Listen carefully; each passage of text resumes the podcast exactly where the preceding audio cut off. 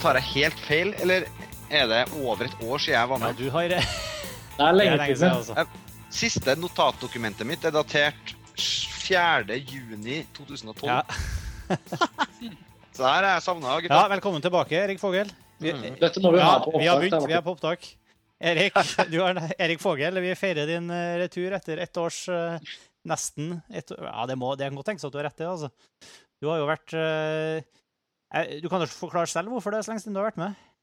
Nei, jeg har vært eh, svimeslått eh, småbarnsforelder. er vel egentlig det det handler om. Tidsbeklemt eh, mann i det 21. århundret. Eh, det fører jo til ekstremt mye mindre kinobesøk. Det eh, fører også til en typisk tilstand av økt TV-dramakonsumsjon i stua hjem. I den bitte lille fliken av tid man har på kvelden etter at uh, småtten eh, har lagt seg, og man, før man begynner å grue seg til dagen etter og skal legge seg. Du har i hvert fall Hørtes koselig ut. Nei, det har i hvert fall vært pinlig mange invitasjoner til en filmfrelst opptak hvor ja, jeg får se den senere en gang. jeg. Men du har vært det dypt savna, og det er veldig utrolig digg å ha deg tilbake, i hvert fall. Ja, men takk for det, og det er gøy å være tilbake. Her på. Filmfrelst, som du hører på, På som er altså podkasten fra nettmagasinet montasj.no. Um, jeg heter Martin Sivertsen, og jeg sitter her bortsett fra deg, med, bortsett fra sammen med Erik Vågel, så sitter jeg også her sammen med Karsten Meinick. Hallo, redaktør i Montasj. Jepp. Eh, og, og Sivert Almvik. Hallo. Hallo, Sivert. Også eh, med redaksjonen her i, i Montasj. Det er jo eh, Ja, skulle til å si hva Husker, husker du hva, hva Hvor er vi? Ja, husker du hvilken episode du var med på sist, Erik? Siden du husker at det var et år siden? Eh, Er det? Uh, skal vi se Jeg har sjekket, og jeg tror det kan være Prometheus-episoden, som ikke jeg var med på det var var det, var det action eller sci-fi du var med på sist? da? Det var action og sci-fi. Og så noe filosofi og noe greier. Men Det eh, stemmer. Så skulle jeg være med på lur, så var jeg sjuk, eller hva det var. Husker ikke. Det skal likevel sies at nå som vi er inne på det, Erik, så lurer jeg vel på om den forrige episoden din må ha vært uh, må- Ja, det var det. Det er, eh, det er, episoden, om, det er episoden om Dread. For den tok vi opp i ditt bandøvingslokale 5.10.2012. Så det er ikke et helt år. Ja, nettopp. Det kan jo nesten sies som at eh, de fire siste filmene jeg har sett på kino, var Prometheus, Looper, Dread og Pacific Rim.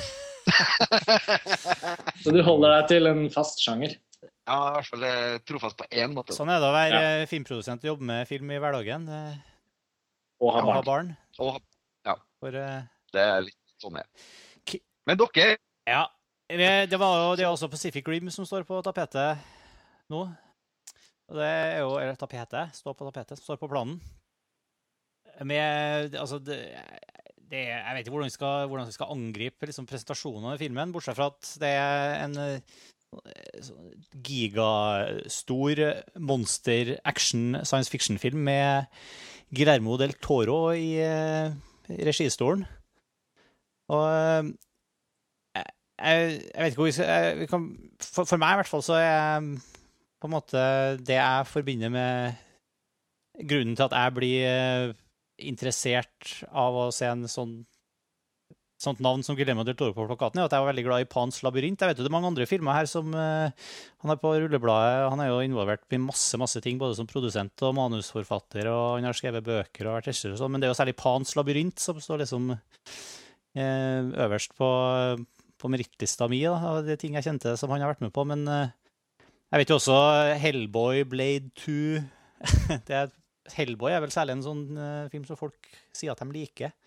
Vet ikke hva er det dere uh, Hvilke forhold har dere til Guillermo del Toro?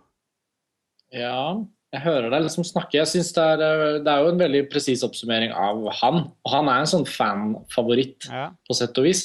Det som jeg syns alltid har vært litt merkelig med Guillermo del Toro, særlig de siste årene, da, er jo at han, han er veldig mye omtalt rundt omkring i forhold til filmprosjekter, filmnyheter. Han skulle jo regissere Hobbiten-filmene, selvfølgelig, så det, jo, det tok jo opp ganske mye tid når han endte opp med å ikke gjøre det. Men summen som regissør er at han egentlig ikke har gjort så mange filmer.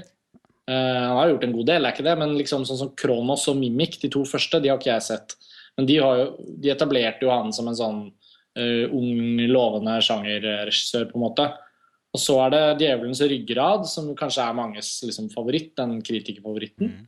Og så, sånn som deg, Martin, uh, 'Pans labyrint' var jo egentlig litt sånn Det var da jeg våknet til Del Toro. da. Jeg hadde sett 'Hellboy' før, men jeg tror ikke jeg tenkte så mye på hvem Del Toro var, og hva slags liksom, autørpreg han eventuelt hadde som, som en sånn type fantasifilmskaper, hvis man kaller det det. Han jobber jo innenfor sånn fantasy-sjanger som går både innom horror eller innom eventyr litt. Eller, han, har liksom sånn, han har funnet, bygget litt sånn sitt eget varemerke.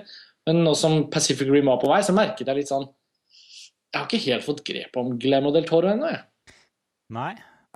Til å være en person som det snakkes veldig mye om.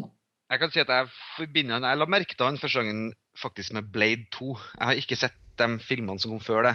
Uh, men Blade 2 hadde et eller annet sånn altså, På godt norsk batshit crazy eh, uttrykk. Og som jeg syns han fikk til da For opp det han gjorde etter Blade 2, var Hellboy. Og så, sånn sett For meg så er den røde tråden gjennom eh, filmforfatterskapet hans er jo fantasifoster. Monster og, og figurer og altså overnaturlige vesen. Sånne type ting. Altså ja. design og, og, fortelling med dem. Uh, det, og det har han jo også da med selvfølgelig i, i Pans labyrint um, også. Som er på en måte det, kanskje den mest, den, den mest kredible filmen i, i, i, i filmelskermiljøet, kanskje. Men, men, for meg så kom han jo dit med denne monsterfilmgreiene uh, sine, sjangerfilmbakgrunnen, egentlig mest. Uh, så for meg var det nytt, egentlig. Mm. Pans labyrint mm. sin seriøsitet og, og på en måte dramasida av det.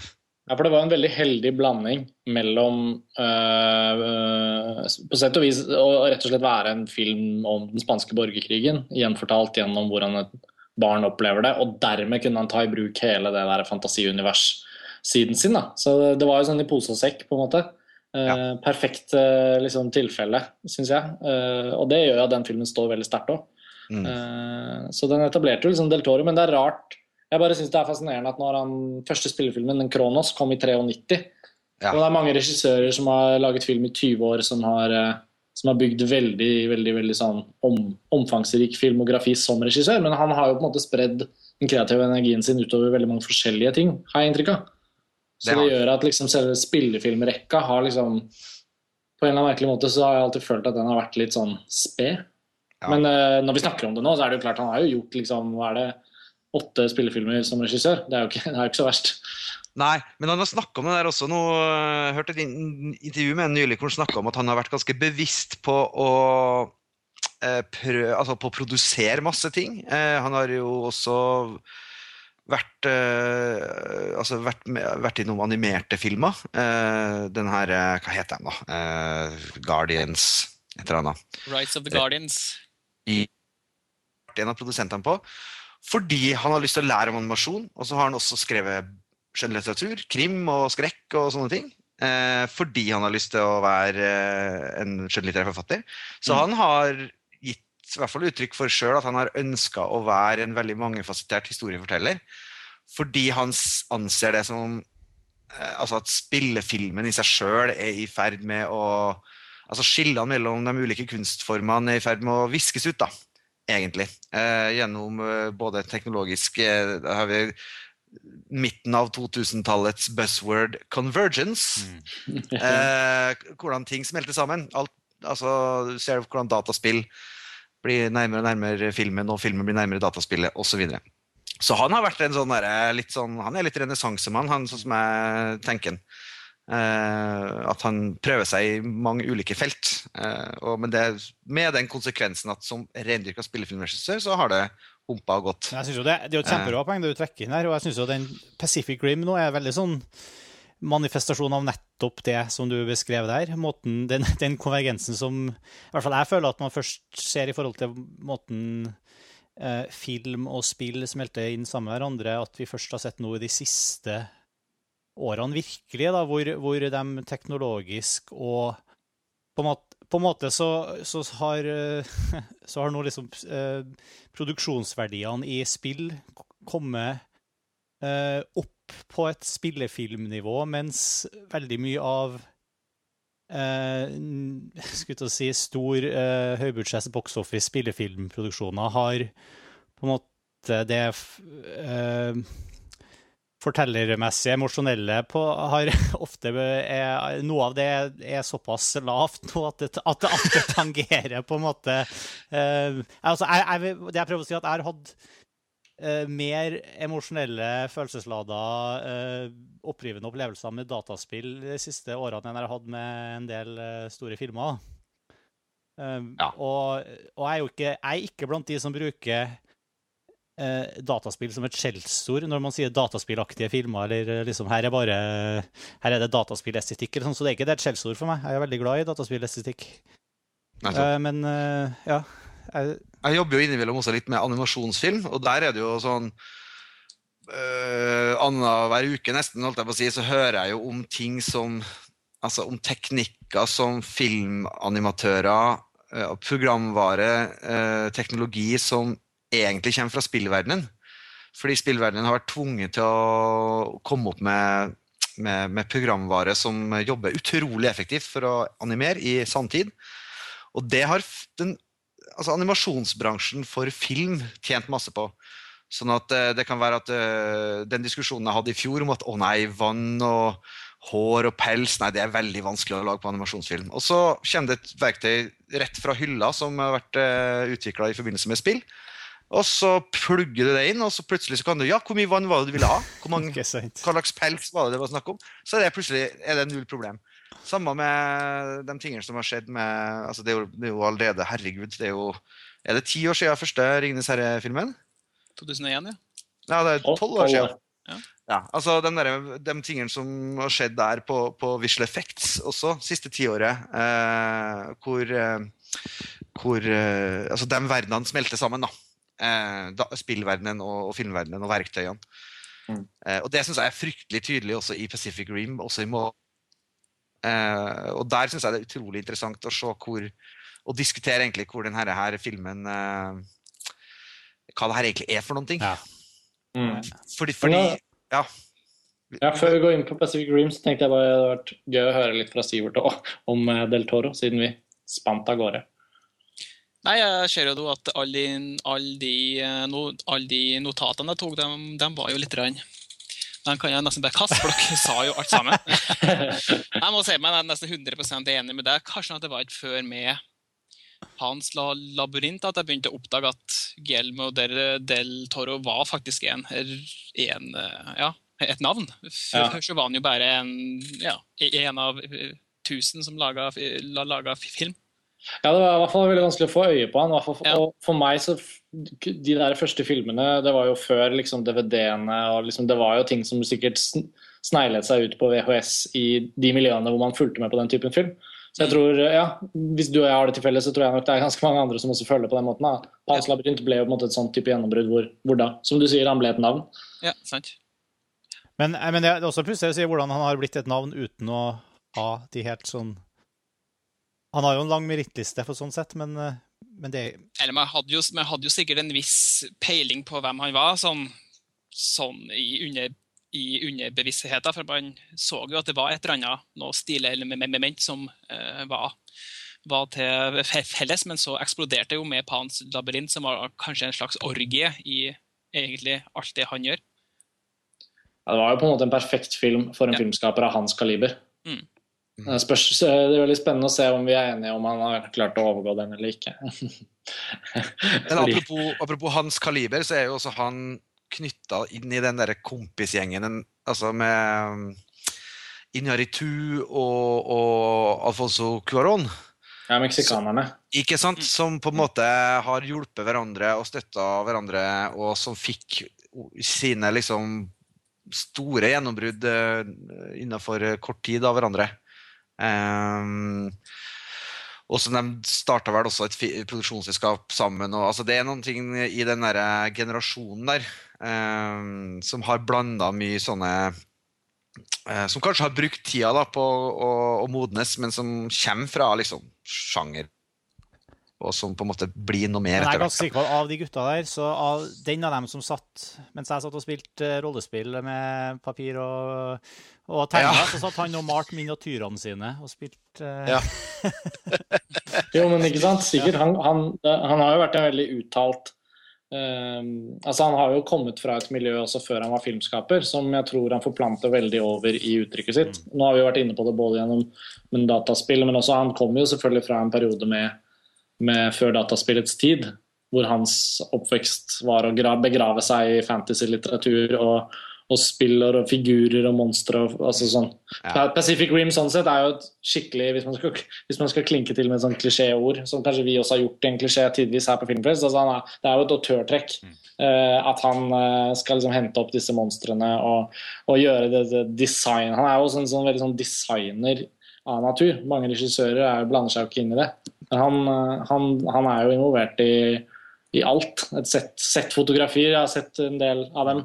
Hvor Del Toro er på jobb, så er det jo liksom Han er jo borte og pirker og maler og fikser på og, scenografier. og viser liksom. fram monstrene sine. Som han gjør også Nettopp. her nå i Pacific Rim.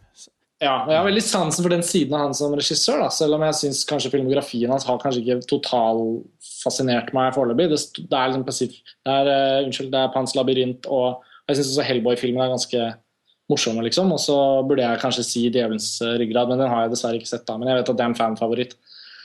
Så Pacific Rim var jo litt sånn for å komme frem til det, da. Jeg husker liksom da jeg tenkte før jeg gikk inn og så den, så var det veldig sånn Er det nå liksom Del Toro skal bikke meg over, da? Er det nå jeg skal kunne si fy faen, nå har Del Toro virkelig vist meg at nå er alle hans fremtidige filmer høyt oppe på forventningslista. Så jeg var litt spent. Ja, og det det kan, og, og ut ifra traileren, som på mange måter beskriver også altså, altså, jeg føler på mange måter Du kan se traileren og, og, og se hva slags type film det er. Det er Godzilla møter Battletech, møter Transformers, møter Independence Day, møter Starcraft. På en måte, og der har du det er, det er vanskelig å gi noen mer sånn eh, Jeg føler jeg presis beskrivelse av hva det her er, bortsett fra at det er som, som vi var inne på, fordi at det, det som Guillermo del Toro i hvert fall jeg synes han er han, Det som kjennetegner der han setter trekk, er jo nettopp det at det er veldig mye design her, da. Rett og slett. Det er Ja, veldig men- mye men- creature eh, men, men utover det så er det på en måte en eh, en slags uh, mash-up her av de, av de filmene, da. I hvert fall på, på, Men jeg på synes det er overflata. Mm. Jeg syns det er mye enklere enn det. Ja. Det er en film hvor kjempestore roboter skal denge på kjempestore monster. Ja. Eh, Det er ikke noe sånn der møte sånn, møte Nei, nei. sånn, møte sånn. For med en gang du begynner å snakke om, med en gang du begynner å snakke om Transformers oppi der, for eksempel, så, så er jo det her synes jeg, liksom antitesen, faktisk, eh, av det Michael Bay gjør. Eh, det er mange grunner til det, vil jeg gjerne diskutere også, men altså, på overflata så kan det se sånn Mm. Men, eh, men der hvor jeg skrudde av Transformers 2 etter et kvarter, for jeg syntes det var helt uspiselig, så er jo det her eh, er bare håndtert på en utrolig mye mer eh, gøy måte, da. Syns jeg. Jeg Ja. kan ikke se det der gøy, gøy saken med det. Jeg kjeder meg som jeg aldri har gjort før i en kinosal. Det er veldig morsomt! Ja. Jeg synes liksom. det, det starta jo heftig med sånn wow, nå er det bra action, og nå får vi en sånn kort, ba- ba- bare en sånn intro til hva det handler om, og så skal det bli bare slåssing.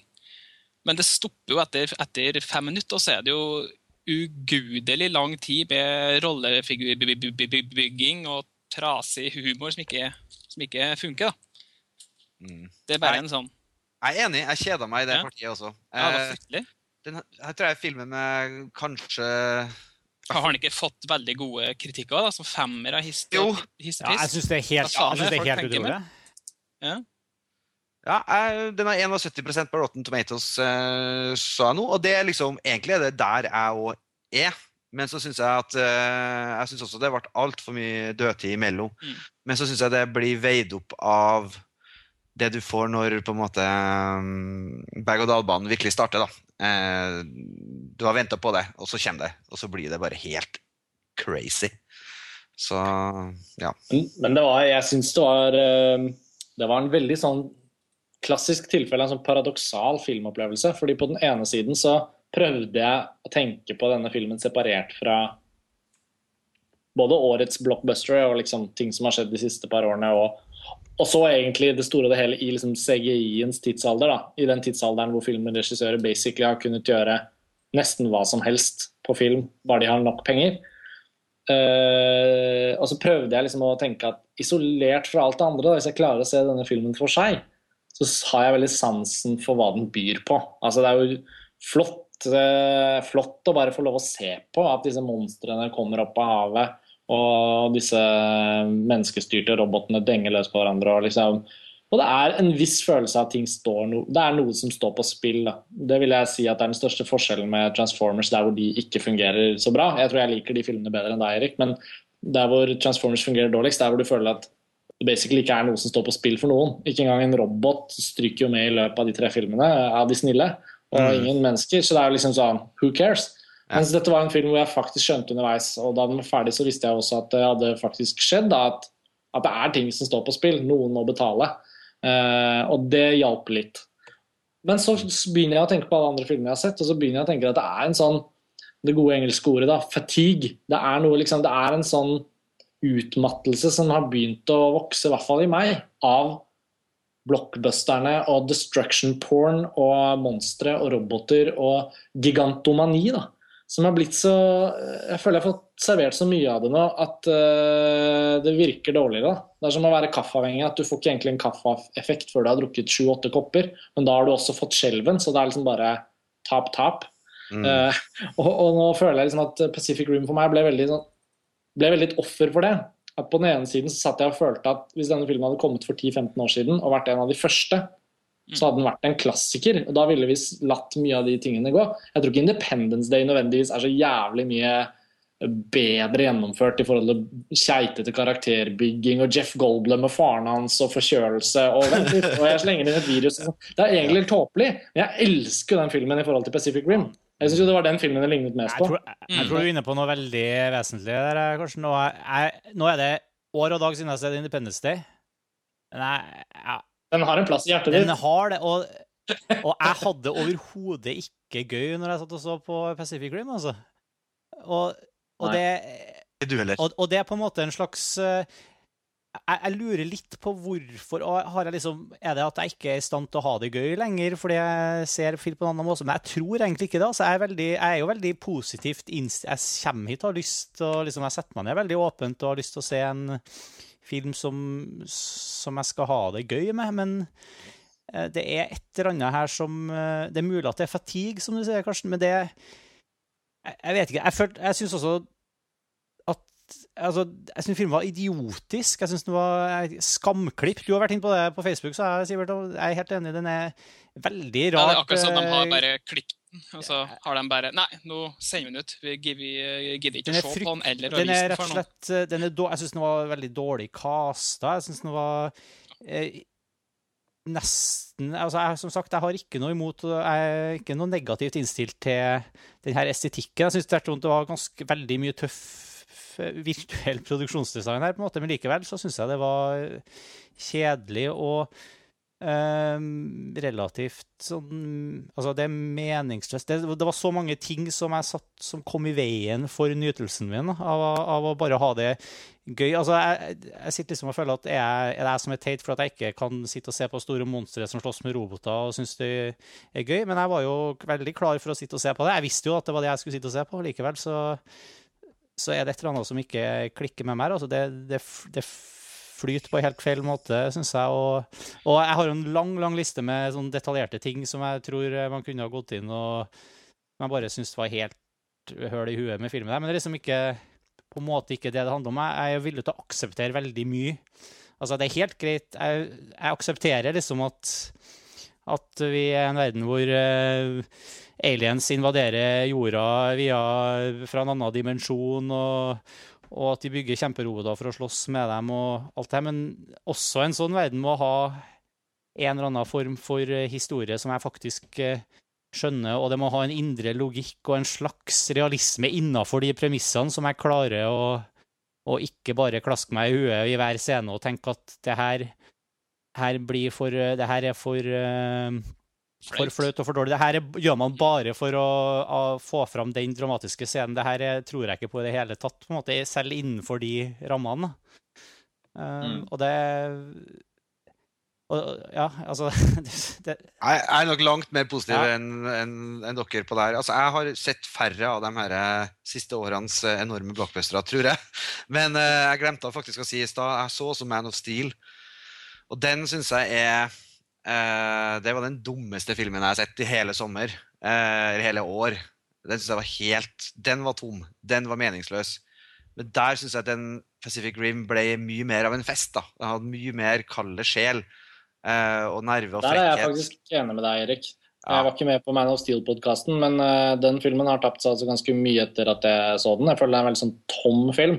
Ja. Og, for det er jo en av de tingene jeg syns Pacific Rim har, da, som du er inne på nå. Skal la deg fortsette å snakke, jeg ville bare skyte inn at jeg var Nei, den, veldig den har, den har, eh, den har eh, et hjerte og en sånn nerdefantasi i seg. Som, men jeg tror det er helt riktig at det å sitte og se denne filmen på tampen av sommeren etter det, den film, altså Hvis du tar den lange filmsommeren da, som starter i mai en gang, og, og bare dundrer på med den ene altså Hvor mange ganger har vi sett store byer gå til grunne nå, liksom? Ja, det er altså det enkeltbildet nå som jeg er så lei av. Ja. Det, det må de bare slutte med. Og hvis de skal gjøre det, så må det være sånn at fy faen i helvete, nå er det mange mennesker som dør. Det var Ja. ikke rart at rett etter Man of Steel så måtte jo noen skrive det. Det var sånn, ja, Vi har regnet ut at sannsynligvis døde det 370 000 mennesker Mm. eh, liksom rundt regnet. Ja. fordi, fordi vi vet jo at han ikke dør. liksom, og Det er, noe- det er det der jeg var inne på i stad. Når det ikke står noe på spill, og når vi får se for milliontende gang noen skyskrapere som knuses Nei, Så det er litt sånn alltid i New York. Det er ikke den andre byen. Det er Nei, det er. Ikke Pacific Rim. Pacific Rim er det jo Hongkong. Hongkong som Og- Eh, så for en gangs skyld, liksom. Men, men der, der, eh, så der tenker jeg at det er faktisk synd for Pacific Rim at den kom nå. Den ble jo sluppet også mye seinere i Norge enn eh, enn Ja. i USA. og sånne ting. Men jeg tror også det er feil år for den ja, filmen. jeg føler som du at det er feil For min del så tror jeg kanskje det er feil med ca. 20 år. da. Hvis jeg hadde, kanskje hvis jeg sett den her som tolvåring, så ville jeg kanskje synes at den var drittøff. Mulig, muligens. Ja. Men samtidig så vet jeg at eh, selv som tenåring så har jeg endt opp med å av... Med liksom Jeg vet ikke. Jeg, for det, det her er jo en elleveårsfilm.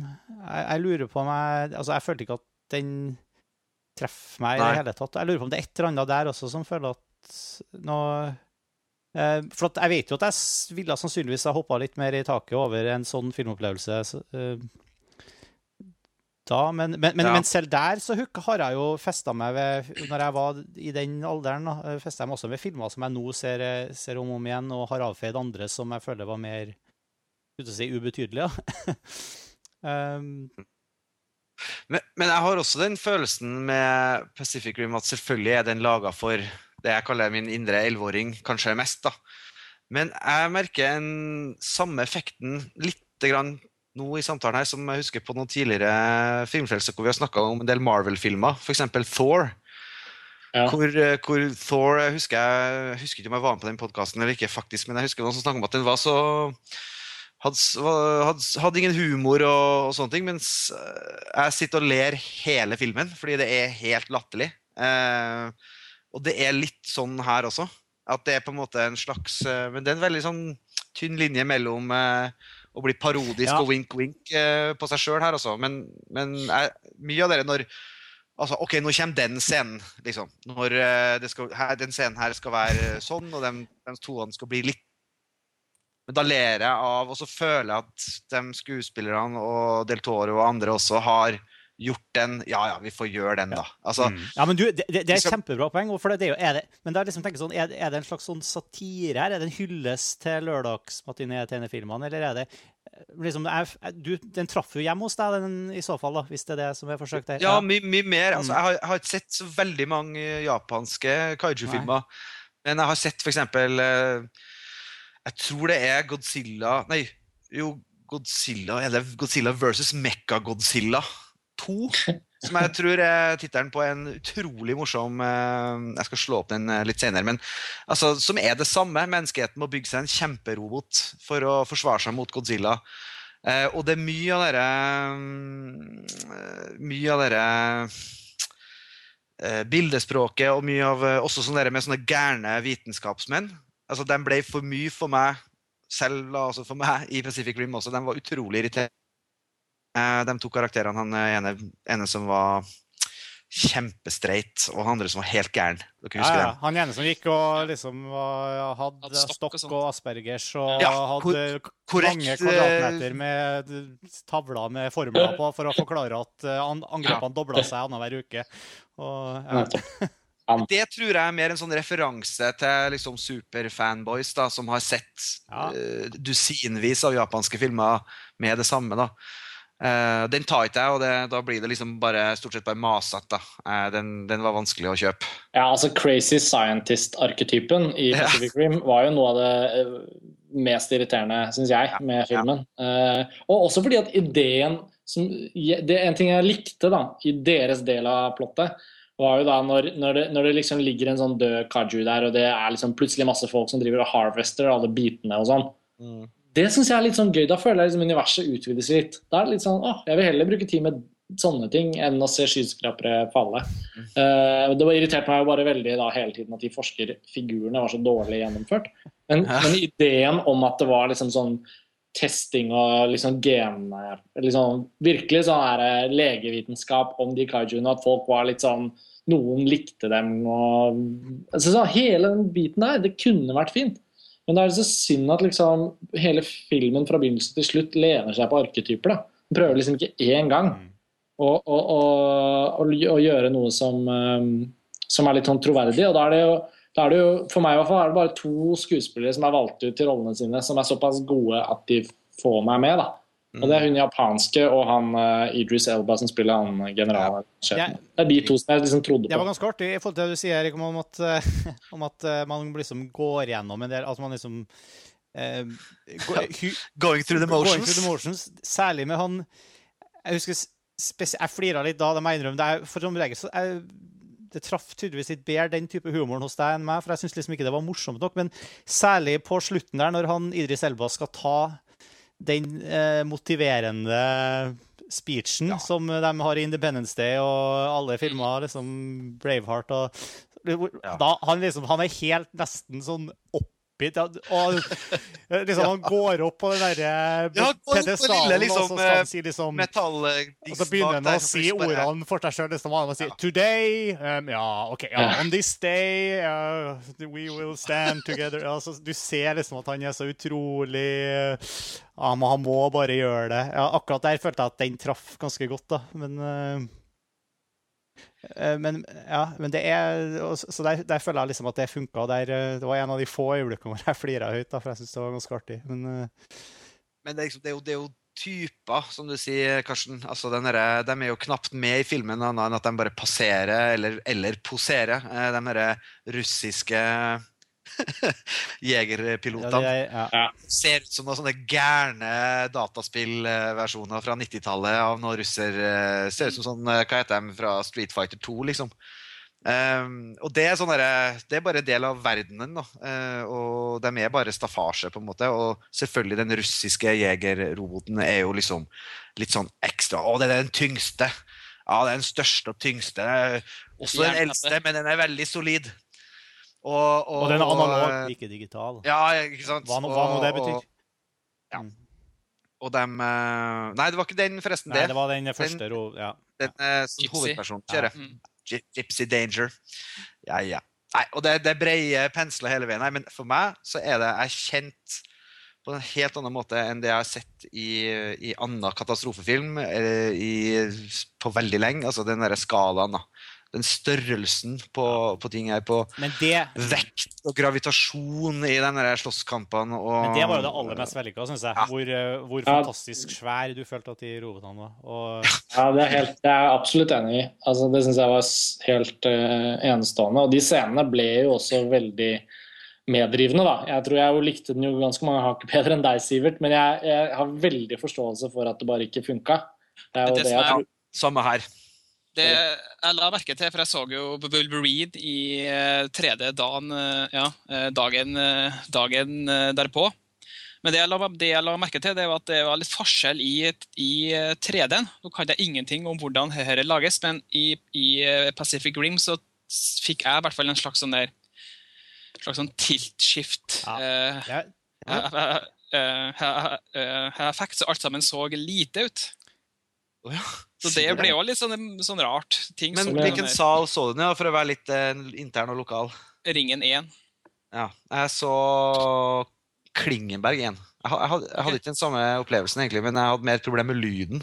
Det ble jo veldig smått uh, lydbilde der jeg satt. Ja, for Jeg hadde nok ideelle visningsforhold, for jeg vet at eh, den pressevisningssalen eh, på filmen Du så den, ja. ja. På Tankred, der er det veldig bra. og Det som er problemet for f.eks. på Coliseum 1, er jo at det er faktisk ikke fokus ute i kantene. Så bildet er liksom Det, det stoppet jeg opp og så på på Jurassic Park, eh, selv om jeg elsket å se den filmen der igjen. og eh, i 3D syntes det var helt supert. Men flere ganger så kunne jeg faktisk bare kikke bort på kanten av bildet, og det var jo bare ikke skarpt. ja. Men, men Men Eh, jeg så jo Så det er- det er- Wolverine i samme, i, samme, i samme sal, og, ikke, Ja. og fikk ikke samme eh, Nei. Effekten. det er interessant. ja. Ja, det er veldig dumt, for da det har det jo motsatt effekt. ja, Ja, det det. jeg syns 3D var faktisk et ødeleggende element for meg i filmen her. Jeg, Mm. den, den kom også Jeg satt i kongesalen i Trondheim og sånn, og, og Heter den Kongesalen, eller den heter Kongesalen. Det er, liksom, det er bare 30 plasser, eller noe sånt, og de koster liksom 50 kroner mer hver plass, og likevel så, så og det, jeg fikk ikke den til... Jeg, jeg vet hva slags følelse du snakker om, Sivert, for den hadde jeg når jeg så Mm. Avatar en gang på, på 3D. At jeg, alt føltes veldig lite ut. Men, men her fikk jeg mer den veldig mye sånn dobbel eh, sånn dobbeltsyn, særlig på det som var lagt på av motion graphics og titling og sånn, både i selve filmen, men også i den norske teksten som lå foran, og sånn, som ble veldig distraherende, for alt havna sånn dobbelt. Men, men det føltes veldig feil, særlig siden de to forrige filmene jeg så på kino, hadde også vært i 3D, Supermann og World War Z. Og, der, og begge de syns jeg 3D-en var jævlig bra i, og utrolig lite Um, De kom veldig lite i veien for opplevelsen og var bare en sånn ekstra liten push. Da. Mens her satt jeg stadig vekk og justerte på 3D-briller på brillene mine og liksom lurte på har jeg, er det noe galt her. og sånt. Og det, Ja. Mm. Det er dumt. Ja. Så, Men det som var faktisk er en av de store tingene med Eller store, da. Jeg satt og, kjeda meg sånn, men da legger jeg jo da oppdaga jeg en del andre ting ved filmen. og det er jo det at eh, Musikken var jo helt fantastisk. Mm. Det har jeg aldri lagt merke til i, i, i en sånn film før. at Oi, Mhm. Det er jo skitbra Pacific, musikk. Pacific ikke sant? Eller er du på Wolverine? ja, Ja. Pacific, ja. Ja, det er, det er veldig enig til Gypsy er jo helt utrolig. Det hører jeg på av og til nå òg. ja, men jeg er enig i at musikken er veldig fin. Jeg hørte litt på den før jeg så filmen, faktisk, for jeg så den komme på Spotify. Og da ble jeg litt sånn, da fikk jeg litt ekstra forventninger, på en måte, for jeg var sånn Oi, dette er jo faktisk litt ganske tøft. Jeg hadde ikke noe forhold til den komponisten fra før, men jeg ser at han har komponert musikk til dataspill. mm. Jeg har null minne av musikken. Jeg har veldig lite minne av musikken. men, men Sivert, jeg har lyst til å være inne på det du For jeg leste Facebook-kommentaren din rett etter at jeg så filmen. Og bare sånn Yes, jeg er helt enig med Sivert her. på en måte. uh, og så, men da, du blant annet kommenterte det her med klipping, som jeg har lyst til å være inne på. For, som jeg sa, Den forrige filmen jeg så på kino, var World War C, som jeg også regner som en ganske sånn gung-ho, eh, relativt hul, overfladisk eh, på en måte action-adrenalin-opplevelse på kino, som jeg, som jeg syns var dritbra. Jeg bare var satt på kanten av setet hele tida, var helt med og syntes det var helt Hadde storkost meg. Mens, mm. mens på Pacific Rim så følte jeg at det var ikke det- For det første var det et eller annet med, med rytmen og, og hele mm, sammensetningen, men det var også til å være en så eh, idiotisk og, og platt historie og liksom sånne ting Det var ting her som jeg ikke som jeg, For det første ikke Som jeg syns var ganske teit, og som liksom Det her eh, didn't make any sense. Men samtidig så var det mange ting som jeg ikke skjønte. Uh, og, og da lurer jeg på om det bare er s- eh, som rett og slett misforsto hva som skjedde, eller ikke fikk det med meg, eller om det uh, liksom Jeg følte at her var det ting som rett og slett var klippet ut, som jeg hadde trengt å se. da. Eh, Ja, særlig, ja. Det kommer, det kommer på nå. Det er særlig når det, han ene forskeren har nettopp kobla seg til dere hjertet. Eller, eller, eller han har Ja. Og så Skal skal vi si at det er spoilers, eller? Er det sånn eh, Ja, det, ja, det er bare å spoile. Det er jo veldig Ja. eh, Det er jo, det er jo en dritfilm. ikke. Ja, men, ja, men i hvert fall altså, er han er kule forskeren ned- nedi dere det der bomberommet. Ja, altså- og så kommer da det dyret og sleiker den i trynet, og så fer Ja, det var akkurat det. Det var den Ah. mest scenen som jeg ikke skjønte. Liksom, jeg skjønner at her Ja. har de en annen kobling. Her er monstrene interessert i mennesker, fordi menneskene har linka opp via hjernen, den kollektive hjernen, og, og menneskene har lært et eller annet av monstrene, og monstrene har dermed fått også tilbake en eller annen kobling andre veien, men så jeg skjønte ikke hva som skjedde der. Jeg Plutselig så var monstrene jævlig interessert i han vitenskapsmannen, og så brøyt de seg inn i bunkersen hvor han var, og kom og, ja, som du sier, kom og sleika han litt i ansiktet, eller følte litt på han med tentaklene sine, og så, jeg, jeg, og så alt det bare kokte bort. Jeg fikk ikke med meg hva som skjedde. der. Har det noen som kan utdype hva som uh, var greia der? Det er ikke noe utdypt, det er veldig Nei, enkelt. det er det vi har Hva, ja, hva er veldig enkelt? Hva, hva var det? Hva, Det er jo litt som i Alien 3, når uh, ja, Når de ikke vil ta for at du er er alene på sykestua, og, og Ripley alene på sykestua, og Alien-dyret kommer bort til å bare sniffe litt på. Nei, Fordi Nei, men det er ikke det samme. For der, ve- der, Ja, for der det skjønner jeg deg. Hun er gravid med neste generasjons alien Mhm. og så videre, så vi vet Mhm. hvorfor, han- de vil, uh, hvorfor de har respekt for hun og ikke. Men det det der er det mye mer klart for meg hva som skjer. da. Her, uh, Nei, men her er det akkurat det samme. Bare 'jeg ser det', sier dere 300 meter høye monsteret. ja. Ja, Jeg har det. Okay. Jeg, har, jeg vet. Jeg ser det. Det er greit. det er et avatar-øyeblikk. I see you. ja, OK. Men, men, men jeg, Eller et, altså, et, et Facebook-øyeblikk. Nei, hva heter Facebook? Hva heter FaceOff? Hvordan liksom tar Face of øyeblikk, ja. ja. Men, uh, men, men altså, det er jo selvfølgelig ganske Den er ganske altså Pacific Rim er egentlig ganske sånn svakt fortalt. Ja, synes Den er, er- fortalt. den er- altså. Den er fett, den er fett designet. Den er uh, på en måte ekstravagant uh, iscenesatt når den først har scenene sine i gang. Men det er en film som For det første så er den sånn, litt sånn Det er som sånne jævla gamle tannhjul fra en Chaplin-film når scenene skal gå fra scene til scene.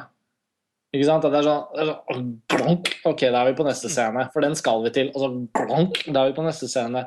Og det er vi jo liksom Vi er jo vant med at vi er long gone, den typen uh, u, upolert uh, overgangs... Liksom, altså sånn, fortellingen har liksom ikke Ja, det virker, noe så, så lat, da. Det virker så det, ja. billig. og, og, og, så, og, så ligger, så ligger filmen nesten aldri foran oss. Det var et av mine hovedproblemer. Og det går jo på da intelligensen i hvordan man opplever filmen. Man føler jo at det er en ganske dum film. Og det er fordi at den, den selv om den scenen vi snakket om nå er litt sånn jeg skjønte ikke hva som skjedde, så er det jo ikke fordi at filmen er smartere enn oss. Det er fordi filmen er eh, unøyaktig og rotete. Ja. Det er jo ikke fordi vi ikke kan skjønne det, det er fordi at den ikke legger det frem på riktig måte. Men sånn som World War Z, da, som jeg er veldig enig med deg Martin, det er jo ikke noe klassiker, det er jo ikke noe fantastisk, bla, bla, bla. Men det var en helt uhyre spennende film. Mm. Den var jo så intens. Og, og den ble en veldig bra filmopplevelse fordi man kom på kanten av setet. Og måten den var klippet og, øh, og rytmen var bygd opp og fortellingen liksom ble brettet ut på, den holdt spenningen. Den var liksom litt foran oss hele tiden. Men den var ikke nødvendigvis noe smartere enn Pacific Rim på papiret. Men den bare klarte å få seg selv til å bli Det Det var bedre fortalt, rett og slett. Ja. Rett og slett bedre fortalt. Eh, Men, men også det her, og, men i Pacific Rim Nå toucha du akkurat inn på den scenen jeg tenkte på som var mest sånn symptomatisk for det jeg følte med at her var det ting som var Men også de her de, altså, det her var kanskje like mye bare sånn Jeg følte at det ble bare for absurd teit. Men, men de her røde skoene som eh, Ja. ja. Plutselig så hadde de de gikk med de røde skoene på og visste fram, og det var, da visste de hva det betydde. Og, altså, det scenen med hun lille jenta var ganske ålreit. Hun var kanskje den beste skuespilleren i filmen òg, men eh, det var det, det var flott. Men altså, de Ja, her røde, røde skoene, Askepott-skoene OK, det var kanskje skoene til mora, jeg skjønte jo det på en eller annen måte, eller etter, men, Eller jeg vet ikke. mora, Jeg tror, jeg tror det var hennes. hennes røde sko. Jeg vet ikke hva det var for noe, men ei det, er Jeg er enig med Sivert, jeg tenkte også det var hennes. Men uh, likevel. Det var bare et helt sånn Jeg måtte jo ha de her røde skoene som den lille skulle vifte. Og så hadde, hadde ikke Jeg husker ikke jeg hadde Idris Elba med seg de røde skoene og vifta for ansiktet hennes for å Eller var det om Hun fikk vel ei gave, Gave, etter ja, hvert. nei, når han hadde forstått eh, hva hun egentlig kunne, kunne gjøre, eller sånn bla, bla, bla tull.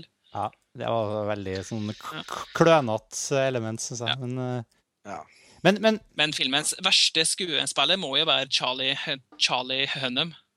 Jeg skjønner ikke hvorfor de klarer, eller hvordan han får, uh, får uh, roller. Det skjønner jeg ikke. Han er, han er, jo, han er jo super i Sons of eh, Anarchy. Ja. Men det er jo kun den type skuespiller han er. Han er Hva slags serie er det igjen, Sivert? Jeg har ikke sett den. Jeg har egentlig ikke sett han i noe annet enn Pacific Rim. jeg. Nei, det er en uh, serie om eh, er det mye bare overkropp der òg, eller? Ja, det er sånn Mm, da, da skjønner jeg hvorfor. Det er Ja. motorsykkelgjengserie. Eh, jeg likte den veldig dårlig, men eh, der, okay. nei, serien uh, syns den er veldig hjerteløs og kynisk. Moralsk. Bankerott. Men eh, Charlie Hunnam gjør det bra, det er jeg enig i. Mm. Eh, men men jeg, jeg, jeg, jeg har ikke det store problemet eh, med Charlie Hunnam her. Han spiller jo han han spiller jo han helten han skal være, på en måte. Og det trengs eh, på en måte ekstraordinære eh, helter for å Altså, skal man begynne å liksom plukke på logikken liksom av, eh, av ting i det her, så tenker jeg at ja, Men la oss plukke litt på logikken, da. La, Ja. la oss snakke litt om det her eh, eh, dobbeltpilot-synkroniserte hjernekonseptet. ja. Ja, Ja. det er jo for, fordi det blir sagt Ja. Den her mekanismen her er for stor. Ja. Og så det en sånn mumbo-jumbo-replikk om at ja, dinosaurene hadde også en eh, sekundær hjerne. Men det er jo, men det er jo bare tull. De Det er det sikkert, men jeg kjøper det glatt. jo da, jo da det er greit. her, Og så ser det så, så, så langt er jeg med. At eh, Men var ikke, var var ikke referansen da nettopp fordi at dinosaurene hadde bekjempet de alienene back in the day? Jo, tror jeg trodde sånt. de dinosaurene var, Nei, var var jeg. Jeg trodde det var forrige runde med aliens var dinosaurer. Nei. Jo, jo. Ja, men da må vi rydde opp. Ok, så det vi fikk vite, ja, det vi fikk vite var at han, eh, at alienene hadde prøvd seg på å høste jorda før. Men da var det bare dinosaurer som bodde der. Nei. Og det var ikke nok CO2, så vidt jeg skjønte. også. Det var noe sånt òg, ja. Men da, jeg, jeg tolker det sånn at dinosaurene hadde klart å kjempe For de var jo like store. Nei, for, nei, nei, for å nevne det at vi har jo nesten terraforma jorda for dem. Det var derfor de kom, eh, kom Ja, nå. sant. ja, det husker jeg jo også. Men jeg, jeg tolket det likevel sånn. Det var sånn jeg syns det var så fin del av greia. At dinosaurene hadde uh, liksom vært mot uh, Ja, at dinosaurene hadde vært for vanskelig å banke De hadde slåss mot De hadde dinosaurene. bare- Ja, jeg, De hadde bare venta, jeg liksom. trodde de var dinosaurene, men OK. dem- For det var jo Å. Dinosaurene Det var fortroppen, liksom. ja, okay. Men den var liksom en primitiv utgave av uh, men, kaiju-monstrene. men, uansett, så er, så, men, men la oss si det. Men her, her har, vi har vi bygd så svære, avanserte maskiner at vi, at vi trenger to piloter for å styre dem. Det er greit. Det, er med, det kan være uh, greit. Men så at de skal eh, da må på en måte synkronisere og koble sammen hjernene sine på en måte for å styre dem som én enhet og være robotens høyre og venstre hjernehalvdel. Der tror jeg det er veldig mye det går an å liksom si at eh, OK, det her er, eh, høres veldig fishy ut fra et sånn Uh, data, eh, datateknisk dataståsted. eller eh, kognitivt. Men så i tillegg da, så er det veldig, gjort veldig mye poeng ut av at ah, når- hjernene deres er synkronisert og så videre, så da, da, da vet vi alt hva den andre tenker, og da har vi full kontroll over følelser. Men mens i filmen, da, og jeg skjønner jo hvorfor det her skjer, for det ser jo kult ut, det òg, men, men da, da driver de stadig vekk og skal eh, For det første så er jo bevegelsen deres aldri synkronisert, bortsett fra et par sånne øyeblikk hvor de faktisk går samtidig og sånn. Så jeg skjønner ikke helt hvordan det fungerer. Og stadig vekk så snur de seg og snakker til hverandre, selv om de er synkronisert. Og stadig vekk så driver de og ri, trykk, flippe brytere og sånn inni cockpiten, og bevegelsene til roboten er jo aldri mer sånn av avansert enn at de eh, tar en baseballstance. Har, du, har du styrt en jegerrobot noen gang? da? Nei. Hæ? Vet du hva men- kort, men- men- spørsmål, altså, kort kort, kort. Er dette ting du hovedsakelig tenker på mens du ser filmen og irriterer deg over? eller er det ting du hovedsakelig tenker på i etterkant?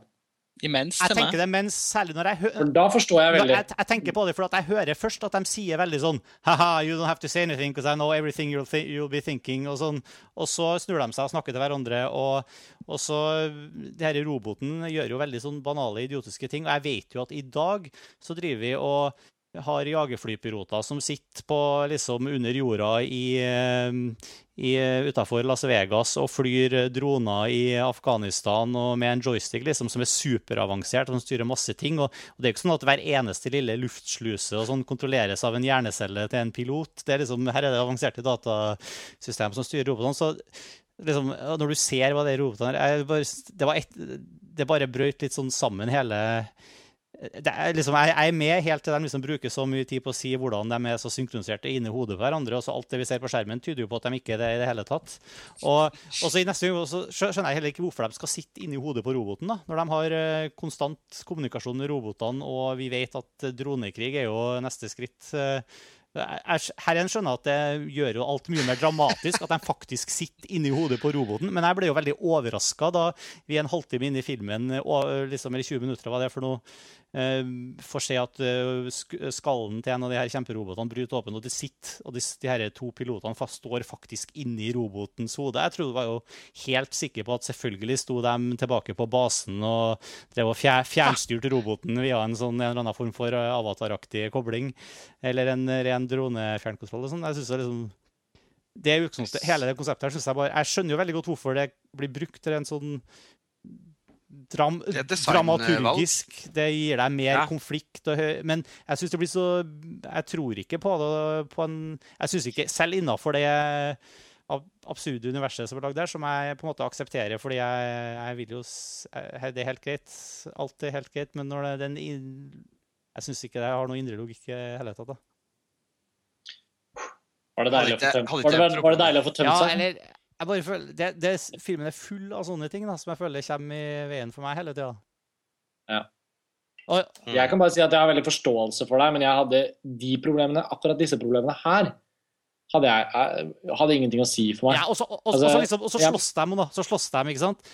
Slåss en halvtime Og folk i nær med en annen sånn stort monster. Roden slåss en halvtime med et monster, og i nærkamp. Og så Plutselig så ender de opp langt oppe i verdensrommet og har brukt opp alle ammunisjonen sin, og sånn, og så er det ja, nå har vi brukt opp alle Og så er de ikke engang vanntett. Nå har vi brukt opp alle mulighetene våre, og så snakk Ja, men Nei, vi har vi bruker sverdet, som kan kutte roboter i ja, to på ett sekund. Ja, Da trykker vi på sverdknappen, og så bruker vi sverd... Motorisert uh, sverd, hva, ja. for å være og, da, og Det var den ene ja, tingen jeg irriterte meg over. Det er så mange sånne ting, da. Uh, som, da hyler jeg av latter. Ja, det er gøy på en, på en måte, altså, men Og så har, de klart, veldig... har de klart å bygge verdens dårligste, verdens dårligste kanon. Hvorfor ikke lage et bedre våpen som skyter hurtigere? Ja, Eh, det er merkelig. Jeg er litt enig med Erik. Altså, jeg syns disse, tingene, synes disse tingene var en del av underholdningen på en måte. da. Særlig det med sverdet. Jeg synes Det var helt uh, utrolig teit, og jeg måtte si det etterpå. Uh, liksom, Hva faen var det, liksom? Men når, når det liksom kom, så syns jeg jo på en måte aller mest at det var ganske funny. Det var over the top, og da det tok liksom filmen litt mer over i sånn ja ja. Det er bare å la det være, liksom. Ja, men, hadde... Eh. men, det artige med det sverdet var jo at det var mye mer eh, fart i det enn hva de ja, det var jo det beste De kappa jo tingene i to. Jo... De, burde jo brukt det sverdet fra begynnelsen av. Ja, akkurat. Sverd, gutta. Det er ting. Ja, det... Men hvis man, reso resonnerer sånn, så er jo det her egentlig en veldig kort kortfilm. Som, ja, som er at OK, det er et høl i, på bunnen av Stillehavet. Da er det bare å stå der med noe atomvåpen, og hver gang det dukker opp en Greit, vi ofrer kanskje noe fisk i noen, eh, og litt verdenshav. Men uh, dere, for dere med at de gir opp jegerprogrammet og begynner å bygge sånne murer. Og det at de overhodet har stasjonert de jegerne rundt om i verden i stedet for rundt det ene hullet du vet kaijuene kommer opp fra. At de ikke altså, da bare et sverd over hullet? Så ja, blitt, uh... ja, for eksempel. Ja. Ta, ha et par ekstra sverd i nærheten der. Og, vi vil jo, all sånn klaging til side, så vil ja. man jo helst ha en film som har en dramatisk fremdrift. Og jeg kan akseptere utrolig mye. Og det, det, viktigste for meg var at jeg underveis i filmen begynte å tenke det er faktisk noe som står på spill. Nå vet jeg jeg har sagt det for tredje gang, da, men det er litt viktig ja. for meg. Det er sånn, jeg tenkte, jeg begynte å skjønne at her er det faktisk sånn at noen rollefigurer kan eh, dø. Og det har jeg begynt å tenke at det er litt viktig for, for meg. altså Det er viktig fordi at uh, fordi det må føles som at faren er reell. på en eller annen måte. Men, men, men, da føler jeg at det er et eller annet her som er veldig avhengig av at den uh, For jeg er, jo, jeg er jo helt, altså Det er jo ikke det at jeg sitter og påpeker tingene her for at jeg liksom vil finne så mange ting å arrestere filmen for. For jeg, jeg, vet jo hva slags film det er, og det skjønte jeg jo veldig tidlig. Men, liksom, ja. men det her dukker opp hele tida. Jeg synes det er mors jeg, synes, jeg, jeg trekker fram de tingene her, for jeg syns det er litt morsomt. Men, samtidig, men, det er et eller annet som gjør at, at, eh, at jeg ikke For jeg kunne jo gjort det samme med World War C sikkert også. Men, men det er et eller annet med, med det, det her gir motstand for meg, da, på en måte som det ikke gjør det for deg, eksempel, Erik, hvor det bare, hvor det bare Ja. blir gøy. Mens for meg så er det så, så er et eller annet med som rytmen og, og historiefortellinga og hele pakken som ikke resonnerer på samme måte. Men den effekten har jo jeg også hatt eh, på andre Ja. ting som andre har likt veldig Med godt. Med Supermann sist er her nå, for eksempel. Ja. med Man of Steel, for eksempel. Ja. Mm. ja. Oi, nå er Jo. du Cylon, Erik. Hei, det er klassisk eh, filmfrelst. Ja, det er bra. Hey. Første Cylon på et år. Si noe gøy. Jeg skal legge på Erik her og få han tilbake. Yes. Um, Det var etter 56 Nei, én time nøyaktig. yes. Oi, nå mista jeg I am here. Der, Vi henter inn Erik igjen. Hallo! Jo da. Første Cylon på et år, Erik. Ja, det er jo ikke filmfrelst uten. Og det er jo bare egentlig en patetisk påminnelse på at dette 20 euro møkkasettet jeg kjøpte uh, eh, i Berlin eh, for fire år siden, ikke helt dug, da. Men ja, du kan, du kan ta, ta opp tråden der hvor du var. Det var du som sa noe, Erik. Jo, eh, snak, vi, snakka om Man of Steel. Nei, jeg var bare jeg som var inne Eh. på liksom, hvordan det Jeg tror nyhetslærer er liksom for oss da, er avhengig av at man på en måte hooker seg på det som er av, av på en måte komedie, satire, Ja. referansemateriale. Altså at man på en måte At det resonnerer med hva det jeg prøvde å si, i hvert fall. Jeg, jeg tror det. Uh, lyst til å bare trekke fram en liten sånn uh, filmnerdeting til. Eh, da jeg satte meg ned i kinosalen, så tenkte jeg OK, så kom eh, Så var, altså, så var gardinene på plukket helt fra. Som om det var Scope som vi skulle se. Altså Cinema Scope-format. det syns jeg var veldig rart. fordi at eh, OK, så åpner filmen, og så er det åpenbart et, eh, et, et format som ikke er like bredt. Jeg slo det opp etterpå. Det er 1,85 til 1. Eh, men da tenkte vi at den der første fem minutteren eh, med voiceover som forklarer egentlig hele Altså det som jeg har skjønt eh, kan også oppsummeres som eh, det her filmårets raskeste første akt. Ja. Altså, Newsreel-eksposisjonen, på en måte. ja, hvor hele universet settes opp på backstory, og du, du liksom går gjennom både seire og nederlag liksom i rask hastighet. Så jeg tenkte at ok, så skal tittelen komme, det skal komme en actionsekvens. Og så skal tittelen komme, og så skal vi brette oss ut i, i, i det superbrede Det skjer aldri. Og da lurer jeg på om det er et eller annet med kopiene de har i Norge, eller sånt, for det var jo rett og slett eh, ikke på en måte blenda av riktig. da. Eh, men så begynte jeg å tenke på hvorfor har ikke Del Toro lagt opp til det, det, det vi på en måte forventer av blockbuster-film. Det er jo Cinemascope. Altså, eh, men så skjønte jeg det jo. Bare sånn, i hvert fall min teori, Mm. er jo at 1,85 til 1 altså Det er jo et høyere format. Nettopp. Og robotene og monstrene er høy. Så da er det et slags kompromiss mellom sværhet og bredde og høyde. Men da, jeg tenkte faktisk den samme Ja. tanken. Jeg tenkte faktisk at han har Fordi på tanker i dag så var det sånn det var mer, Jeg merket liksom at vi så en litt sånn Mm. Høy film. Det var ikke liksom Mm. Det var ikke scope. Man merket det, for man tenker at alle de filmene er det. nettopp. Så, Nei. Det var bare en liten uh... men det var jo sikkert bevisst, tror tror du ikke det? Jeg tenker, det kunne til og med vært 4-3. Det hadde jo vært supert. Sånn firkanta monsterfilm. Ja. Ja, ja. Yes. ja, jeg gleder meg til Elysium, jeg. Ja. Det gjør jeg. For å bare slå i hjel Pacific Rim. For den traileren fikk vi også se foran Pacific Rim. Ja, ja Mm. den, ble, den ble også vist eh, på kino her om dagen. Og Gravity kom også foran Pacific Rim, husker jeg. Mm. Det er jo, Det er har jo Det er jo de tre jeg på en måte har blinka ut i år. Du skal bare se science fiction-filmer nå til all evig tid, ikke sant, Erik? Det, det blir jo det. TV-drama i stua og science fiction på kino. Ja, Ja. Gikk glipp av Oblivion, da. Ja, men den skal jeg se på iTunes, tenker jeg. på iTunes. Ja, du- Mm. Eh, av, av årets liksom, blockbuster så har ikke jeg fått sett alt. Altså, jeg har droppet både Iron Man 3 og Oblivion basert på at jeg ikke fikk inntrykk av at jeg kom til å ha noe glede av de. Og ingen har fortalt meg at jeg burde ha sett dem heller. Nei, sant. Uh, Men jeg syns World War Z synes jeg du skal prøve å få med Ja. deg. For den var jævlig spennende. Altså, Ikke noen stor film, men når de først er spennende, så er de Jeg syns sånn det var en ordentlig god eh, kinoopplevelse. Ja, det var sånn, det var sånn dritbra underholdning, på en måte. En godt håndverk-film. Ja, og bra spilt. Hva med Wolverine, da? Jo, den eh, var faktisk jævlig gøy. Det kan Mm. være at det var en sånn post-Pacific Rim-modus, at jeg var ordentlig skuffa. Men den filmen var jævlig bra, det må jeg bare si. En av de bedre sånne store sommerfilmer som jeg har sett eh, til nå. da. Jeg er veldig glad for å høre. Altså. Den har jeg tenkt til å se. Jeg, jeg liker Wolverine som rollefigur, eller karakterer, på en måte. Ja, det var en Så du den i 3D, artig- Sivert? Ja, jeg gjorde det. For i traileren, iallfall den første traileren, så syns jeg 3D-en så så dårlig ut. Men det er mulig at eh, Er det en sånn eh, Men jeg tror ikke de bruker like mye penger på. Nei, trailerkopiene. at det var det som var problemet. Mm. Tror det har noe å si. Men jeg, jeg, jeg, jeg tror jeg tenkte å ikke se den i 3D, for jeg skjønte det sånn at den ikke var skutt i 3D, men at den var liksom postkonvertert. Jeg hadde ikke valget med Pacific For jeg merka at jeg, hadde, jeg angrer på at jeg ikke så Pacific Rim i 2D. Jeg tror den har vært minst like underholdende. Samme her, Um, faktisk. Ja, Hvis jeg hadde kunnet velge, så hadde jeg nok eh, også sett den i 2D. Men For meg så er det risky. Det var en liten eh, diskusjon her på Facebook også med, med kyndige folk. Eh, OK, du kan, du kan gå og se den i 2D, men mest sannsynlig da på et sølvlerret som gjør den fra før av veldig mørke filmen enda mørkere. Ja.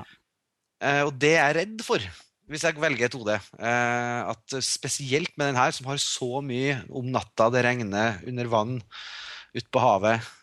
Det er liksom, jeg hadde ikke det problemet der jeg så den, altså. Men eh, jeg er enig, jeg skulle gjerne sett den i Men- 2D. Men kanskje det blir fint å se den i 2D på Men det her føler jeg taier litt tilbake til det vi snakka om i begynnelsen. At, at det som skjer med de kinofilmene altså Jeg føler jo veldig at når jeg, når jeg gjør det her det er veldig, Jeg er jo litt mer på kino enn deg, Erik, men likevel mye Mm. mye mindre på kino enn Karsten og Siver, eller i hvert fall deg, Karsten.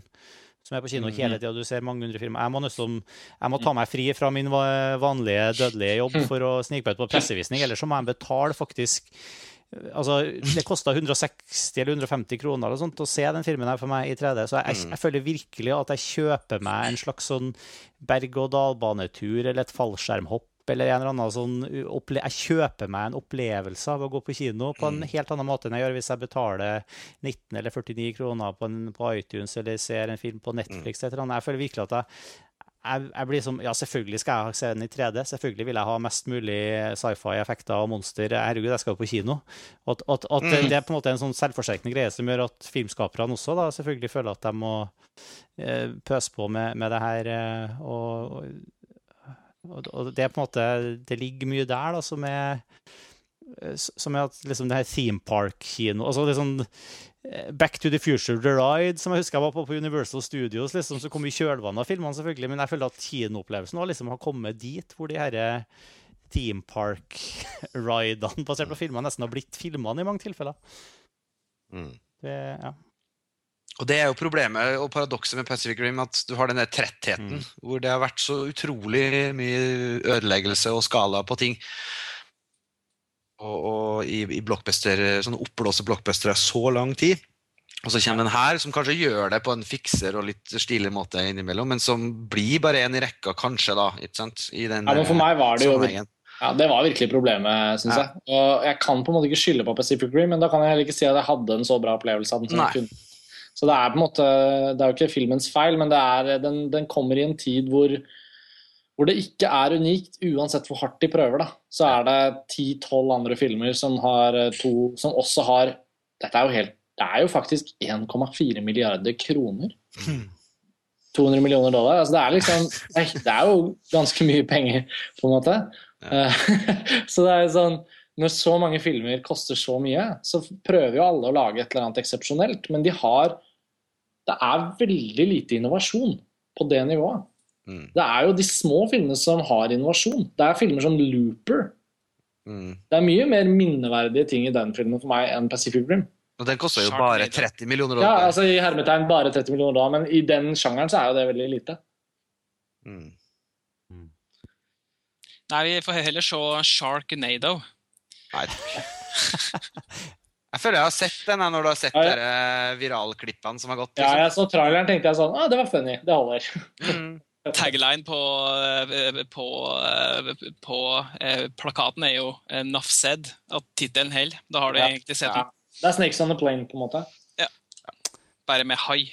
Sharks, Sharks Ja. on a Plane tror jeg jeg burde, burde Det tror jeg kanskje jeg ville ha sett, faktisk. Er ikke Deep Blue Sea som er ganske nært? nært? Sharks on a Plane. Martin kan ganske lage den. Men en annen ting med Del Toro til sist, nå, kanskje hvis vi runder av praten om Pacific Rim, er jo den filmen som nesten ble noe av, men som ble lagt ned, som gjorde at han gjorde Pacific Rim. Ja, Mountains of Madness. At the Mountains of Madness. Med, ja, som er Lovecrafts adopsjon, med Tom Cruise. eh, og med, med, med, med James Cameron som produsent. Ja, altså, men øh, Var det ikke også sånn at øh, Del Toro da var inne på det i fjor sommer etter å ha sett uh, Prometheus?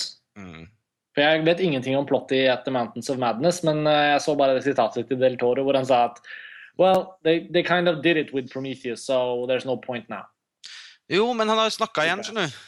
Han har snakket, Ja, Er det vekkes til live? Ja, det, altså Han har sagt i hvert fall Det her er faktisk i januar i år. altså Det var i fjor sommer da Prometheus kom, at det var den derre Ja, det Ja. Det var kanskje greit at det ikke ble noe av min film. Ja. Men i januar så sitter jeg med et intervju på firstshowing.net hvor han sier I'm gonna try it one more time. Uh, eh, jeg vet ikke. Men Men eh, Har dere lest den boka? Er, ja, det er en fantastisk eh, Det er jo en av Lovecrafts eh, liksom litt lengre altså Du kan kalle det kanskje en miniroman, eller en veldig Ja. veldig lang novelle. Det er det er flott. Eller hva er ideen? Hva er greia? Nei, det er jo Antarktis. Eh, Det er jo forskere som finner spor av en død Men så er han kanskje ikke død likevel. Og så er det, er det jo liksom forbindelser til, til liksom de Altså de, de opprinnelige liksom gudene, de grusomme gudene som, eh, Ja. som eh, for eh, mange hundre millioner år siden heldigvis forlot oss. Lovecraft, Lovecraft er også glad i interdimensjonale monstre og, og guder. Eller, som er en av Jeg har ikke lest noe, jeg kjenner ikke noe av det. Jeg bare kjenner navnet og tenker han er en av de forfatterne. Mm. Ja. Ja, nei, men Del Toro altså, For å komme tilbake til det vi startet med, da. Jeg tenker Del Toro som filmskaper Jeg, jeg mistet jo ikke troen. Jeg bare så at Pacific Rim var jo ikke på en måte Det var jo ikke den store filmen i hans karriere, på en måte. Det er fremdeles Pans labyrint. Eh, Men, eh, men han er jo kapabel til ting, da. Eh, han har kanskje ikke helt hatt alt på stell for å få liksom, laget noe vanntett bra her, men han, det er jo noe med den designeren som bor i han, og hvis den kan liksom pares med riktig, riktig idé eh, og kanskje riktig skala i forhold til hva som skal fortelles, der syns jeg at Pans labyrint var så utrolig bra. At det var eh, masse design og masse på en måte i hermetegn effekter, men det var ikke en film som føltes sånn i det hele tatt, fordi den befant seg hos hun jenta. Det var liksom, Hennes verden var stor nok. Eh, så jeg skulle, åh, jeg skulle virkelig likt å se Del Toro kanskje ta ned skalaen bare noen hakk. Mm. Men kan det være at han lager den at han tar en Terry G- G- G- Gilliam og lager en skitfilm som tjener pe- pe- penger, og så lager han en film som han vil lage etterpå? Jeg vet ikke, jeg tror dette er det personlige Jeg prosjektet. tror det. For at, eh, er, er ikke det et prosjekt som er, som, er, som er så svært og har så mye penger at Nei, Jeg vet at det ikke er det. Han, han signa opp på dette prosjektet fire dager etter at den der Mountains of Madness kollapset. Mm. Og det var en annen fyr som hadde funnet på ideen, og sånn, så det, jeg tror ikke det er det. Men likevel, det fremstår jo som hans største film i hans karriere til nå. Og da blir den jo på en måte litt også, den, Ja, det, er litt, det er litt hypen òg, da. Det, Ja, ja, selvfølgelig. Jeg, jeg, den, en, den, den altså- eneste måten jeg kan liksom beholde troa på Del Toro etter den filmen, her er jo å velge å tro at det her har vært et så gigastort prosjekt med så mange beslutningstagere og så mye penger involvert, og så at, at på en måte ting har eh, Det har vært tatt beslutninger i så mange camper her at at det har gått litt uh, skeis. Hvis ikke så føler jeg at da er jeg ikke så ivrig på å se neste filmen hans, for å si det sånn. Altså det, det, er aldri, det er aldri lett å vite med han Del Toro da, hva som faktisk blir det neste. Men det virker jo som den Crimson Peak som har vært øh, annonsert, blir den neste filmen. Den vet jeg ikke helt hva det handler om, men det er hun, øh, hun derre godeste ah, Hun fra Tree of Life. Jessica Chastain. Ja, og Zero Dark 30. Hun, ja, nettopp. Selvfølgelig. Det er jo den som er referansen. Ja. Um, hun er liksom attached. Men han, han Charlie Hunnam er også attached. Bør Nei eh, bli bedre, altså. Det, han, bør- han bør uh... Han er jo bare ordentlig dårlig. Han kan jo aldri bli bra. Han må nesten få litt uh, runde med spanske røret for å bli bedre, føler jeg. Det, det må, han må ha en sånn kraft. Møte på han bad guyen fra Pans labyrint, kanskje. Ja. Ja, nei, jeg vet ikke. Nei, men Vi får bare følge med. altså Del Toro er uansett jævlig aktiv, da. Så Ja, jeg følger med. Jeg følger med. Ja, jeg følger med, jeg òg, men det er bare, han har liksom ikke helt klart å klyve opp, opp liksom opp inn i høyere dimensjoner. Men jeg mener, det kan jo være at, eh, eh, at Del Toro får lage sin, eller en annen film som Eller en litt annen, annen type film neste, eh, neste gang, for han har jo spilt inn for nesten 1,7 eh, milliarder eh, norske kroner, så det er jo en, Mm. en film som sikkert gir litt penger i pungen til, til Pacific, han. Pacific Rim. Ja. Ja, og den har jo ikke hatt premiere i Japan ennå, jeg ser kanskje for meg der. Ja, for den er jo veldig Altså, vi har jo ikke snakka om denne kaiju-sjangeren, for det er sikkert så, så, sannsynligvis fordi at ingen av oss kjenner den spesielt godt. Ja, jeg kan ingenting om det. Det er jo men- tvilsomt at det er en film som har veldig mye elementer som man antar vil friste den delen av verden. Da. Jeg har, jeg har sett en, kanskje fire-fem ja. ulike eh, kaiju-filmer, men det er jo ikke liksom Er det, er det host i den sjangeren, eller er vi ikke der i hele tatt? Nei, nei, nei, ikke i det hele tatt. Det, er- det er, er Eh, det Godzilla? Er det koreansk, liksom Og det er liksom noe helt annet. Og der er jo på en Ja. måte monsteret er jo liksom eh, Det er jo monster og samlivs, Ja, okay, ja. og komedie og alt i en mos på sånn deilig koreansk vis. Mens eh, God, altså, kaiju-filmer med Godzilla og sånne ting er jo veldig sånn For eh, Godzilla er kaiju. Det er eventyrfilm, da. Mm. Uh, effekt- og eventyrfilm hvor på en måte karakterene er papp. Mm. menneskekarakterene. Og det er han fyren i den gummidrakta som tråkker på denne modellene og river dem ned og med litt fyrverkeri og sånn, som er attraksjonen. da. Eh, jeg slo opp den filmen jeg nevnte. Eh, det er en eh, Godzilla versus Mecha-Godzilla. Eh, 93-versjonen, som også kalles eh, liksom toeren innimellom. Den er dritkul. Eh, anbefales. Der eh, har menneskeheten bygd, eh, eller egentlig tatt over restene av en annen bad guy som en sånn kjempemaskin, og bygd den om til å bli nettopp en sånn jeger som i Pacific Rim, for å banke opp Godzilla når han kommer. Eh, og det er kjempe, kjempegøy.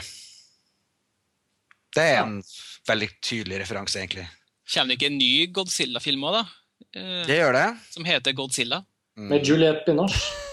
Oi. Det blir en sånn fransk eh, Ja. drama med Eh, følelse. Det er så fascinerende. Altså, Juliette Binoche var jo med i Den engelske pasienten. Det var ikke noe Hollywood-film, basically det. Det var jo liksom en, en, en britisk film. Mm. Og så vant hun Oscar. Og så bare tok hun ingen Hollywood-roller. Hun har liksom ikke casha inn en eneste blockbuster med et studio basically i det hele tatt. Mm. Hun jobber liksom med Abbas Kiarostami og går rundt og gjør alle mulige sånne Hun bare oppsøker regissører. Erik Poppe. Ja. og så bare sånn Nå var det liksom på tide. Så da Mm. går hun Da er hun med i Godzilla. Men han, eh, Ja, men han regissøren for. Godzilla er han Gareth Edwards, som lagde Han som lagde Monsters. Monsters, som du den likte. fantastiske uh, oh, ja, den, ja. Jeg produksjonen. syns ikke den Nei, altså, var den var så fantastisk, den var så Jeg for en, hadde fantastisk lavt budsjett, da, er vel det den er kjent for. Det hadde, Ja. det hadde den. Nei, jeg syns den var fin, jeg. Det var jo også veldig en skuespillerfilm, da. Uh, Ja, da. kanskje attraksjonen ligger der. Ja, den hadde kanskje tålt litt mer av det som Pacific Rim hadde kanskje litt mye av. Mm. Men uh, jeg skjønner jo det. Herregud, når den var så lav Det var jo en film som nesten oppsto ut av ingenting. Og det at han eh, det at det er en sånn regissør som får lov å gå og lage Godzilla på det budsjettet han har lyst til å gjøre, det lover jo litt godt. Jeg tenker det kan bli ganske kult. Det kan det. Det kan også bli for stor hamburger å bite over, men eh, han har i hvert fall fallhøyden. Og... Ja. Men det er jo også det er jo remake eh, Bonanza med Robocop, ny Robocop rundt hjørnet. og Og der har, har, har de òg valgt en elendig skuespiller, han svenske. Hva han heter for noe? Ja, Eh, han fra snabba, fattige han tenker på. snabba cash. Ja. Ja, ja, ja. Jeg husker ikke navnet hans, men han, Han er veldig bra i serien eh, The Killing, som er en sånn eh, amerikansk re remake av eh, den danske forbrytelsen. Ja. Han Joel Kinnaman. Ja. Joel Kinnaman. Jeg har ikke sett han i noe særlig, egentlig. Ja, ja. Nei, men den Robocop remake Altså, jeg så jo Robocop senest i fjor. Det trenger jo ikke å være noe Altså sånn hvor, Hvordan kan man gjøre det bedre? Det er jo bare å gi opp. Ja, det er bare å gi opp.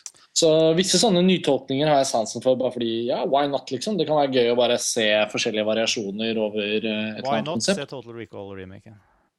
Ja, why not? Jo, jo, men, men det var sånn klassisk eksempel. Da. Eh, Alle som gikk og så den, skjønte jo at det var ikke noe vits. Det var jo helt meningsløst. Så da er det bare å ikke se den. Så jeg har ikke sett Man of Steel. Ja, men det var, det var Men ikke en remake. det er jo ja, ja, ja.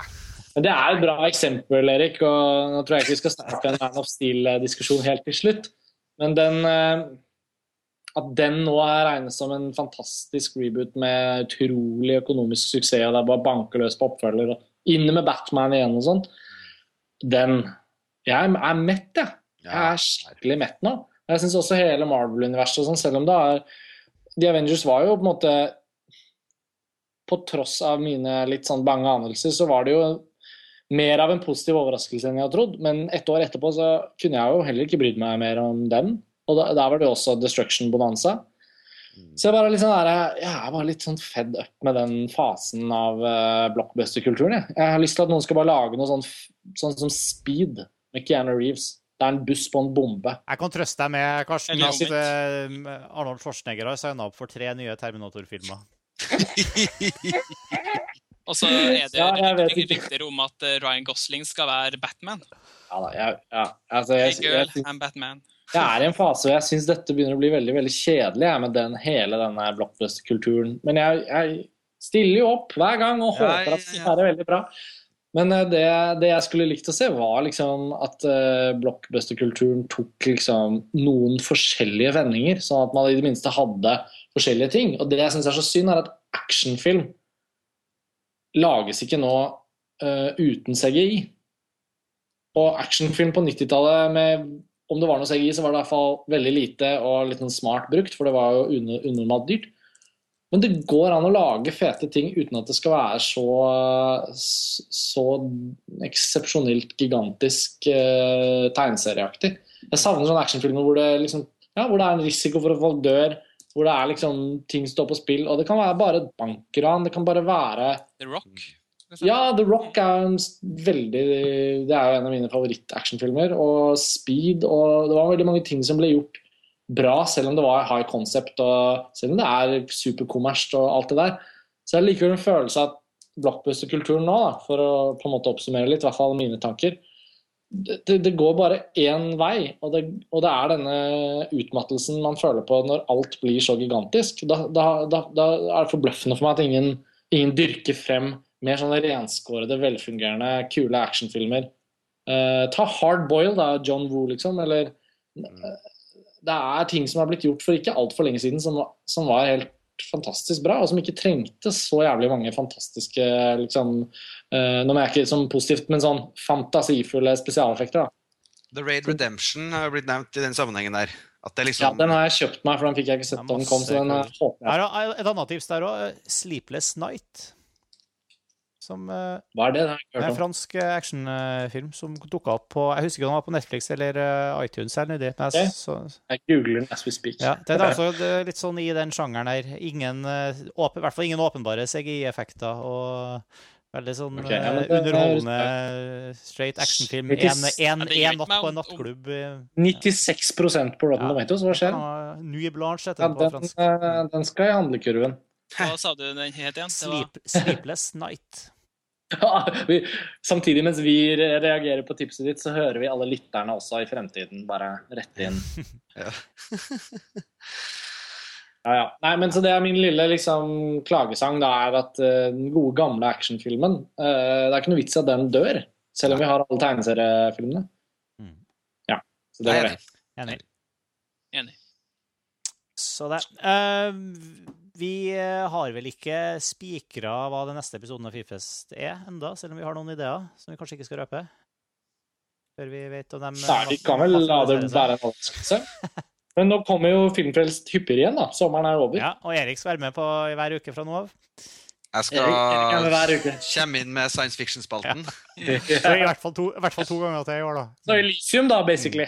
Ja, og og Gravity. Gravity. Det er lengre til enn Elysium. OK. Ja, nei, men eh, det Vi er forhåpentligvis tilbake om, eh, om ikke så altfor lenge, i hvert fall. Det har vært kjempe, kjempeålreit og kjempegøy å prate om eh, Pacific Rim, og for en gangs skyld så var vi vidt spredt og uenige om Ja. jeg, Ja, det hjalp meg litt å snakke om det. Det var litt sånn terapeutisk. Ja, jeg føler veldig å få ut en del ting. Ja. Det, det hjelper veldig.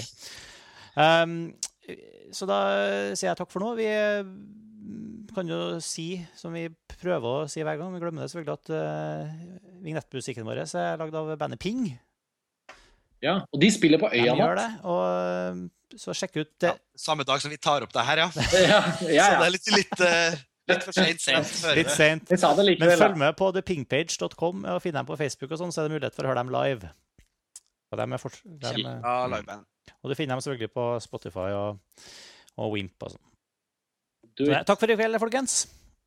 tusen takk for i kveld, Ja, Martin. Godt å være tilbake. så vi fortell oss hva dere syns, dere som hører på, om uh, Pacific Rim, Pacific Rim. På, i kommentarspaltene i kommentarfeltet under artikkelen her. Som, som hører med episoden. OK, vi snakkes. Ha det bra. Hei. Eh,